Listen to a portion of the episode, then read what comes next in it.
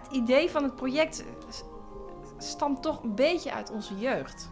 Toch, weer. Omdat wij als kind zijn wij gewoon heel veel naar orgelconcerten geweest. Uh, vooral in de Stevenskerk in, in Nijmegen, maar überhaupt. En ehm, er was ook een organist in het klooster waar wij heel veel naartoe gingen. Kees Luiks, hij was ook componist. En hij, ja, het was best gewoon een ding altijd. Wat gaat Kees spelen na de mis? Daar waren wij echt best wel veel mee bezig. Ja, en dan waren de grote Bachwerken. En wat gaat hij? En, en er was ook iets met Kees. Hij was namelijk een nerveuze organist. Hij is eigenlijk geen concertorganist geworden, omdat hij echt gewoon veel te nerveus was. En in de kerk spelen ging net, maar met hoogtijdagen ging het vaak niet. Nou ja, maar door die herinneringen met, met, met naar concerten gaan, heel veel naar orgelconcerten gaan. En daardoor ehm, hebben wij Bachs oeuvre, Bachs orgeloeuvre, heel goed leren kennen. Maar nu horen we het niet veel meer. Want ik denk dat wij niet de enige zijn die niet meer zo heel vaak naar orgelconcerten gaan. Maar we hebben wel herinneringen met hoe fantastisch dat repertoire is. Dus Tineke, wij hadden gewoon heel erg zin om weer in dat repertoire te duiken. En ook aan, om aan mensen die normaal naar een barokkerst gaan luisteren, te laten horen: jongens, dit is fantastisch repertoire. Nou, dan, dan ja, je kunt uh, grote organist in huis halen, maar je kunt ook zeggen: we, we gaan deze stukken bewerken en met het orkest spelen. Zo is het eigenlijk gekomen. En dat is dus wat jullie hebben gedaan? Dat is precies wat we hebben gedaan. Ja, kijk, in Holland Barok is altijd een beetje een soort spielerij. Hè? Wij, wij, wij spelen met het materiaal. Dus dat is sowieso wat wij doen. En daardoor brengen we weer nieuw licht op het materiaal. Maar ook kunnen we het weer in de spotlight zetten. En dat, het is altijd, kijk, het, het repertoire is bekend. Maar je moet het altijd herontdekken. En dat is wat waar we mee bezig zijn. En als wij het herontdekken, hopen we dat het publiek mee, meegaat in het, in het opnieuw beluisteren.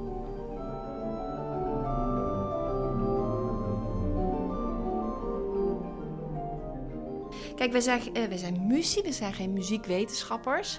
Maar we, we, we doen toch een soort van onderzoek. En dat is aldoende, een soort praktisch onderzoek. Doordat we natuurlijk elke noot van dit project nu eh, wel drie keer hebben omgekeerd, ja, ben je toch bezig met het onderzoeken van hoe doet Bach dit, eh, wat heeft hij zelf gedaan.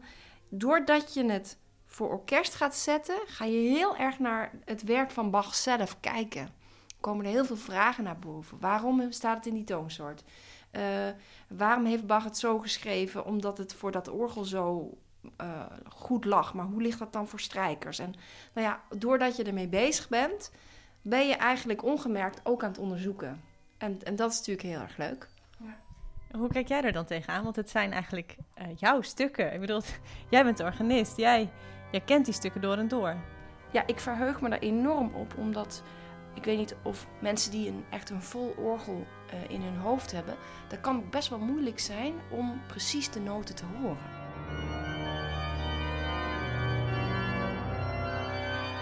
Een toetie op een orgel, dat, is, dat zijn een heleboel pijpen en uh, dat gaat soms wel uh, ten koste van de duidelijkheid van een partituur.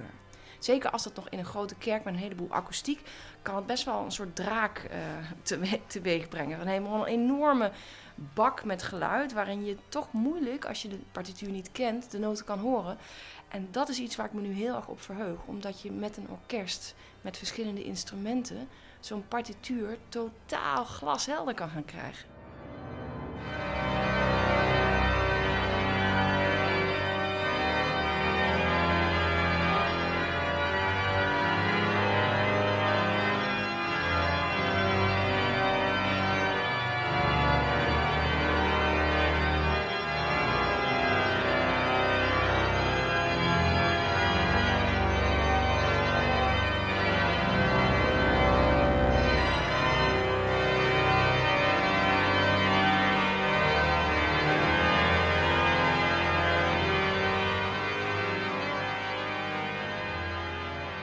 En het, is, het zijn zo ontzettend communicerende vaten ook. Want uh, als ik aan mensen uh, het orgel laat zien, mensen die nog nooit een orgel hebben gezien, dan, dan leg ik dat vaak ook uit aan de hand van een orkest. Uh, dus het orgel zit eigenlijk eh, als je alle pijpen bij elkaar doet, is dat het toetie van het orkest.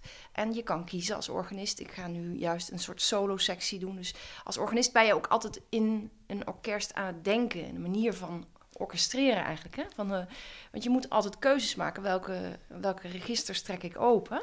En als organist ben je dus steeds als een soort componist, uh, arrangeur bezig welke klanken heb ik nodig? Moet ik dit, denk ik dit groot? Denk ik dit klein? Denk ik dit solistisch? Uh, laat ik het juist aanzwellen? Nou ja, dus er zijn ontzettend veel overeenkomsten tussen dat orkest en het orgel. En als organist heb je eigenlijk niks anders nodig. Je kunt het helemaal in je eentje doen.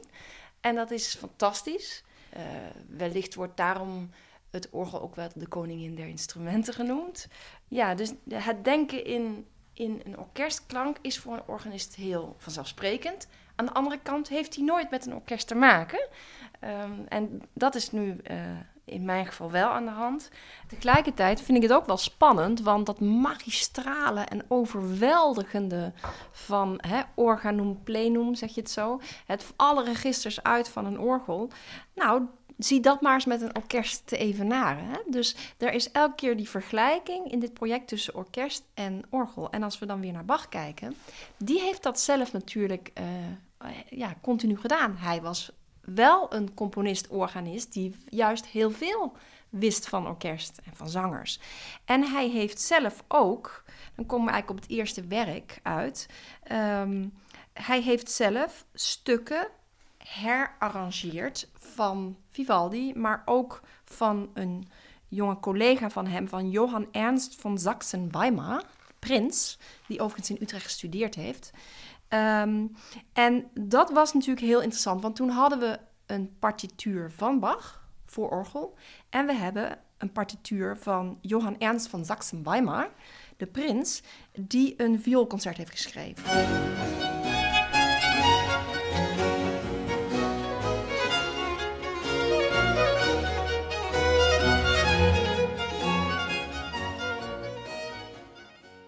En Bach heeft dat dus herschreven voor orgel.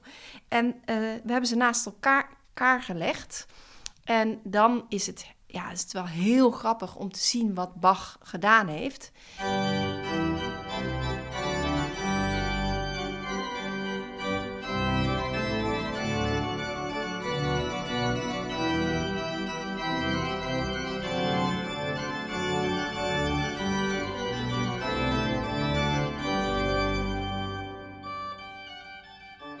En uh, wat wij konden doen nat natuurlijk, is het eigenlijk als je het weer dan voor orkest bewerkt, dan kon je het eigenlijk bijna weer terug doen zoals die prins het heeft gedaan. Maar ja, dan heb je het eigenlijk niks van Bach geleerd. Of dan heb je niks van de, van de kruiden die Bach heeft toegevoegd. Dus dat was, dat was wel een ding voor ons. Van goh, dan moeten we het niet gewoon weer terug, terug naar het origineel, zeg maar, uh, doen. Dus we hebben uh, echt gekeken wat heeft Bach gedaan. Nou, en wat heeft hij dan gedaan? Dat is heel leuk om te zien. Hij heeft, uh, hij heeft het echt voor een klavierhand geschreven, maar hij heeft ook veel harmonieën toegevoegd. Soms voegt hij ook gewoon extra maat toe, met een, uh, bijvoorbeeld op een einde van een cadens. En dan doet hij... Terwijl Prins van Sachsen-Weimar, die, was, die heeft dat helemaal niet gedaan. En, dat is, en ook hij heeft een lopende bas uh, toegevoegd die echt wel veel mooier is. Dus dat is heel leuk om te zien. En hij heeft, die heeft Bach toegevoegd en dat heeft die prins niet. Dus het was ontzettend leuk om dat naast elkaar te leggen. En om daar dan weer een versie voor orkest te maken die, ja, die toch nog een stukje rijker is dan deze prins gedaan heeft. Dus dat, dat was een ontzettend leuke ja, het is toch van, dan, kijk je naar, dan kijk je echt van, van, van wat heeft Bach nou gedaan. Want we, het is natuurlijk überhaupt wel heel bekend Hè, dat Bach uh, stukken van Vivaldi en zo dat hij genomen heeft en dat hij ook zijn eigen kantaten en zo, dat hij zijn eigen muziek ook hergebruikt. Dat, dat lees je in alle programmatoelichtingen. Maar dit project was voor ons een aanleiding om te kijken: oké, dat is bekend, maar hoe dan? Hoe heeft hij dat dan precies gedaan? En bijvoorbeeld een van de dingen die mij ook opvielen, is, nou ja, dus dat, dat, dat grote orgel, hè, dat is indrukwekkend, dat imponeert. Maar als je dan naar de partituur kijkt, dan is dat vaak helemaal niet zo, ja, ik wil niet zeggen driestemmig, Maar dat is helemaal niet zo heel vol. Het komt door het gebruik van de registers dat het zo vol klinkt. Dus uh, als je dan voor orkest schrijft, dan moesten we best nog uh, stemmen bijschrijven. En dat had ik niet verwacht. Luisterend eerst naar zijn opname en naar uitvoeringen, denk je, nou, dat is inderdaad heel groot. Dus dat is dan interessant om te zien dat die handen en voeten, hè, want met orgel wordt natuurlijk met de voeten gespeeld, dat die toch niet een tienstemmige partituur opleveren, terwijl het wel in je oren zo klinkt.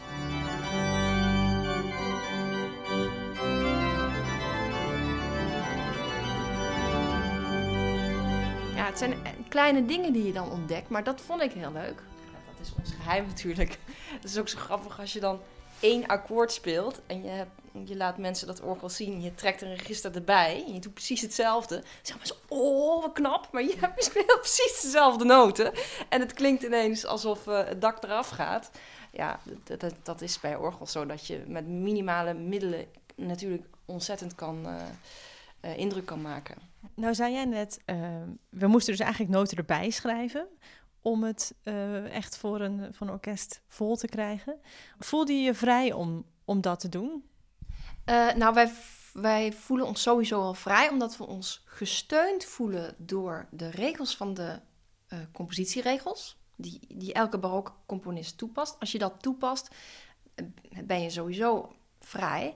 Maar in principe voelen wij ons al vrij, maar nu nog extra natuurlijk, omdat iedereen weet dat Bach het zelf ook alle kanten op deed. Er bestaan al wel ook bewerkingen. Uh, waarom dan nog een eigen? Nou, hebben er ook niet hele beroemde componisten al, al Bach-bewerking gemaakt? Webern, zeg ik dat goed? Uh, wie, wie nog meer? Ja, echt. Eh, Max Reger heeft een fantastische bewerking van alle trio sonates voor twee uh, piano's. Heb ik een keer gedaan. Geweldig. En, maar waarom, waarom maken we er dan zelf toch weer één? Uh, er zijn heel veel bewerkingen voor groot symfonieorkest, van bijvoorbeeld ook van de grote Passacaglia, maar niet voor barokorkest. Dus dat, als, je, als we dan weer uitgaan van zo'n bewerking die al bestaat, moet je het toch weer helemaal aanpassen.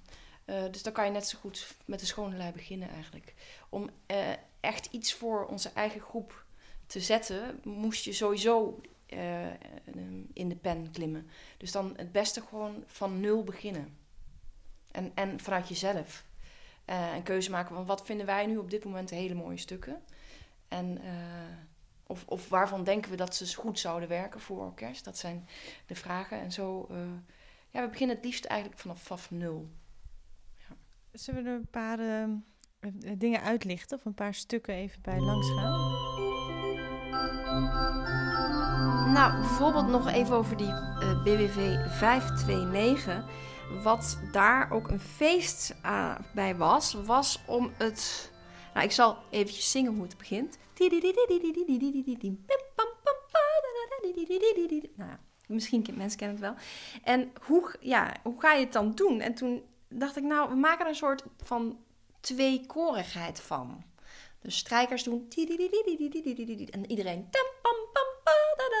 En dat geeft een soort ja, feestelijkheid, maar ook een heel typisch Bach-geluid. Want we, eigenlijk arrangeren wij, en dat is misschien anders dan grote componisten ook in het begin van, van de 20e eeuw gedaan hebben. Wij willen arrangeren zodat het, dat je niet hoort dat het arrangement is. En dat, dat het klinkt gewoon alsof het een Bach-suite uh, is. Hè? Zoals, dat moet zo natuurlijk mogelijk klinken. En dat is dan het, het werk wat we gedaan hebben eigenlijk. Ik hoop dat je het hebt een... ook heel erg gekeken naar hoe Bach met de hobo's omgaat, bijvoorbeeld. Ja. Vaak doen componisten dat de hobo's in het tutti meespelen. En dat de eerste hobo de eerste viool verdubbelt en de tweede hobo de tweede viool. En eh, kijkend naar Bachs werken doet hij dat juist helemaal niet. Hij laat de twee hobo's de eerste viool verdubbelen. Ja, ik ja, en dat ja. lijkt eigenlijk onhandig. Denk je, dat wordt toch met z'n tweeën op die ene stem, wordt dat niet vals of zo? Eh, of waarom wordt dat niet topzwaar? Nou, als twee hobo's op die eerste stem die er al is door de violen. Maar op een of andere manier werkt dat super sterk en eh, ja, feestelijk ook. Dus ik heb gekeken naar de, de... Want dit stuk staat in C groot. Toen heb ik naar de, eh, naar de orkestsuite in C groot gekeken. Van hoe heeft Bach daar omgegaan met de, met de hobo's. En toen dacht- dacht ik... Ha, wat, wat- Dus daar heeft hij... er- Ik geloof maar, maar twee plekken heeft hij de hobo's gediviseerd. Dus dat ze andere stem spelen. dacht ik, nou, dan moet ik dit nu ook gewoon zo doen. En dan zie ik wel hoe het, of ik er straks tevreden mee ben. Maar dat, dat heb ik echt gedaan. En één ding wat we door, het door alle werken hebben gedaan... is het, is het eh, differentiëren van de bas continuo lijn en de contrabas. En daar, ja, daar kwam ik ook pas heel laat achter. En toen ik zei, ja, de. Maar dat eh, contrabas eigenlijk de diepe tonen van het orgelpedaal vertegenwoordigt. Dus dan kunnen we met het orkest weer dichter bij die klank van het volle orgel komen. Dus daar ben ik ook heel benieuwd naar. En eh, vaak heeft de, de, de baslijn ja, best, eh, best, best drukke dingen. En door de, door de contrabas een soort versimpelde, klinkt negatief, maar dat is juist positief, partij te laten schrijven, krijg je een helderder beeld in het orkest, maar ook een duidelijkere structuur eh, van, van het stuk eigenlijk. En daar ben ik heel benieuwd hoe dat zal uitpakken.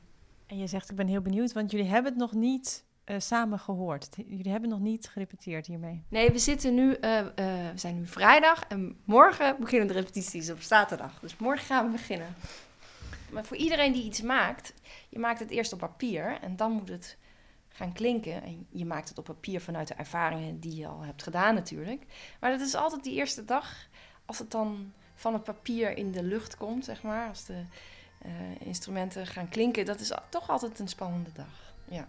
En daar, dan wordt er ook nog wel vaak wat aangepast als je denkt, nou, het werkt, dit werkt even niet zo goed of moet een octaaf hoger of eh, misschien toch beter dat... ehm, die, die melodie door de viool wordt gespeeld. Zodat dat, die flexibiliteit is er altijd. Eh, maar dat moet door de eeuwen heen precies hetzelfde zijn geweest natuurlijk.